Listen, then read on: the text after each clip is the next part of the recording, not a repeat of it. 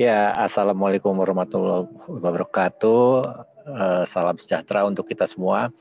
Uh, semoga teman-teman dalam keadaan sehat uh, walafiat senantiasa. Mungkin saya nggak akan berpanjang-panjang Pak Jimmy. Kalau Pak Ruli masih mendengarkan, memang ini saya mau share satu slide masih, saja. Pak, masih. Ya, Pak Ruli, saya sedang WhatsAppan sama Pak Teten juga tadi. Uh, ada beberapa yang ya. kami hendak kerjakan bersama dengan ya. tempatnya Pak Sandi, Pak Pak Ruli. Jadi ya ini saya share uh, satu screen. Ini biasa saya pakai untuk memancing diskusi. Uh, kalau kita lihat di sini Indonesia itu sebetulnya punya potensi yang luar biasa di uh, perikanan, di mana kita uh, nomor dua di dunia penghasil ikan, gitu ya akan tetapi unfortunately uh, meskipun kita nomor dua sebagai penghasil ikan di dunia tetapi belum menghasilkan dampak ekonomi apa-apa untuk Indonesia gitu ya. Bahkan uh, pelakunya uh, apa namanya nelayan itu menurun terus dari waktu ke waktu. Saya hanya share itu sebagai pemancing saja. Akan tetapi yang saya mau coba share di sini Pak Jimmy Pak Rizky Pak Ruli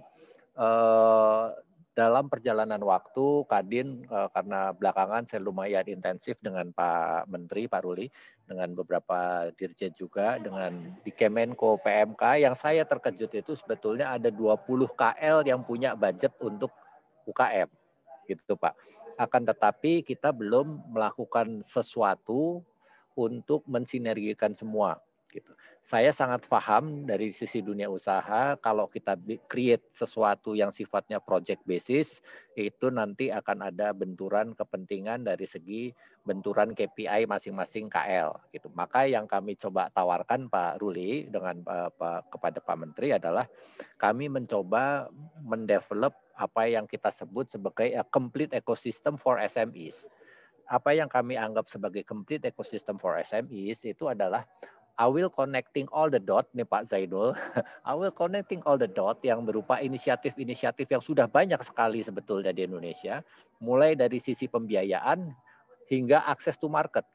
Mulai dari supply chain sampai ke uh, apa namanya platform-platform uh, warung-warung gitu. Jadi ini yang menarik Pak Jimmy. Jadi ada ada ada fintech yang basisnya itu uh, apa namanya kredit skornya bukan kredit scoring ala perbankan gitu ya, tetapi justru menganalisa penggunaan sosial media seseorang gitu. Ya.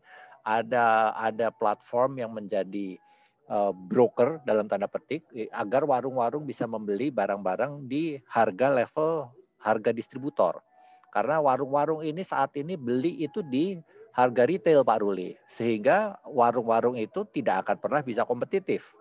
Nah, bagaimana caranya supaya mereka kompetitif? Ah, ada sebuah inisiatif dari uh, uh, sebuah startup di mana dia mengumpulkan, mengagregasi semua warung-warung di sebuah uh, daerah dan kemudian dia deal dengan distributor besar di daerah tersebut gitu ya sehingga harganya harga yang kompetitif. Nah, hal-hal semacam itu kelihatannya selama ini kita tidak secara sadar mengumpulkannya gitu. Jadi itu semua inisiatif itu scattered uh, di di di di mana-mana. Ini yang yang yang saya coba uh, bersama-sama teman-teman Kadinda untuk uh, bangun. Ini kebetulan saya sedang di Bandung, Pak Ruli.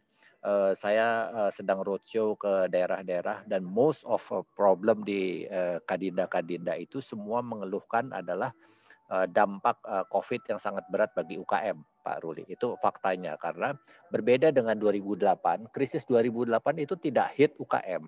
Itu hit uh, big companies gitu ya. Tetapi UKM surviving.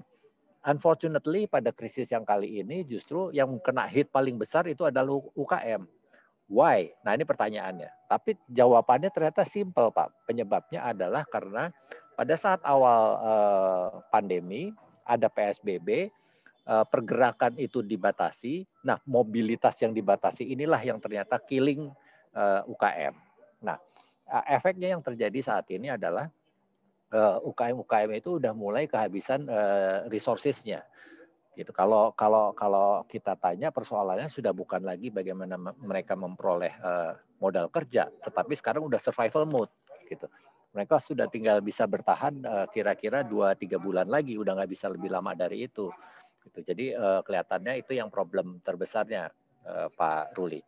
Nah, tadi saya lihat di kolom chat chat ada yang bertanya bagaimana soal modal kerja. Ini juga challenging karena kali ini uh, bukan kali ini persoalan klasiknya UKM adalah soal perizinan, di mana perizinan itu uh, sulit bisa didapatkan oleh uh, UKM for many reason, gitu ya.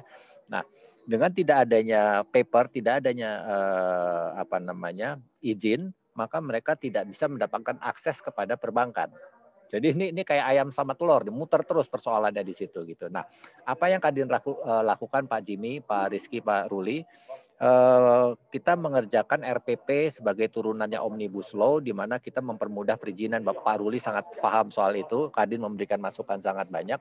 Yang eh, yang memang faktanya dari hampir dari 40 lebih RPP yang ada, banyak sekali pasal-pasal yang tabrakan sebetulnya Pak Ruli.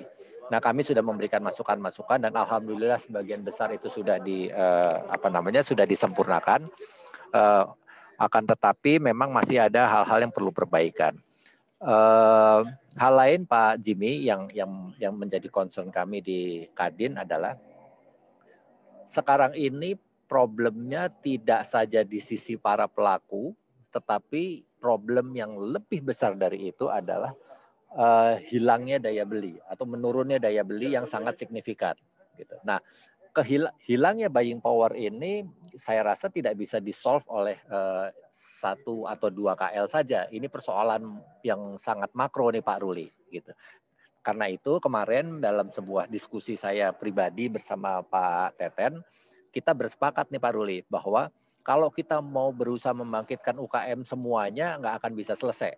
Kenapa? Playernya terlalu banyak, 94 juta player nggak akan pernah bisa berhasil kita kalau kita 94 juta itu kita mau take care sekaligus. Karena itu kita akan fokus kepada pertama adalah uh, eh, UKM yang uh, related kepada ketahanan pangan, Pak Ruli. Kedua adalah uh, eh, UKM yang uh, supporting tourism industry. Kenapa uh, supporting tourism industry? Karena kita sebetulnya dengan men-trigger wisatawan lokal saja itu sudah bisa memulai uh, apa namanya roda ekonominya mulai bergerak. Karena itu tadi saya sampaikan ada beberapa saat kami Pak Teten, saya dan Pak Sandi yang kebetulan teman dekat saya juga kita diskusi intensif mengenai ini Pak. Jadi benar-benar kita mau coba uh, testing di beberapa klaster dulu gitu. Nah, harapannya adalah kalau ini berhasil, kita bisa replicate di tempat-tempat lain.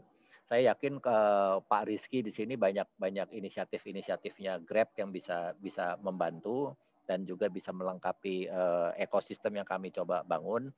Uh, dengan senang hati saya akan mengundang Pak Rizky nanti di Ecosystem Day. Jadi Pak Ruli, saya bersama Pak Hanum itu rencananya mau bikin Ecosystem Day Pak ya kita sedang cari waktu yang tepat. Insya Allah di uh, akhir Maret ini Pak Jimmy, Pak Ruli, Pak Rizky semua welcome untuk datang Pak Zainul uh, virtual kita sifatnya kita akan mau coba dengar semua inisiatif-inisiatif yang uh, related to SME. Kita connecting all the dot, kita bangun semangat yang sama. Yang paling penting menurut saya Pak Ruli sekarang adalah kita menyamakan uh, spirit kita, menyamakan semangat kita bahwa Indonesia harus bangkit. Kita tidak bisa berdiam diri UKM kita yang terkenal paling resilient di di uh, region ini hasilnya uh, hasil researchnya United Nations bilang UKM-nya Indonesia itu paling resilient di antara semua negara di antara semua neighboring countries tapi kalau ditanya per hari ini mereka rata-rata bilang kita udah nggak tahan another two months. Rata-rata gitu. Just another two months and we are going, going uh, we are going to die gitu. Nah akhir artinya apa? Yang kita perlu bangkitkan adalah kepercayaan diri bahwa kita bisa bangkit bersama-sama. Dan itu tidak bisa tidak kita harus lakukan bersama-sama hand in hand. Dan kenapa saya selalu senang Pak Jimmy kalau diundang Pak Jimmy atau siapa pun untuk bicara itu semata-mata ayo kita hand in hand gandengan tangan hanya dengan kebersamaan kita bisa bangkit dan insya Allah saya yakin Indonesia bisa bangkit jika kita terus menerus uh, silaturahmi ini seperti uh, hari ini kita lakukan terus.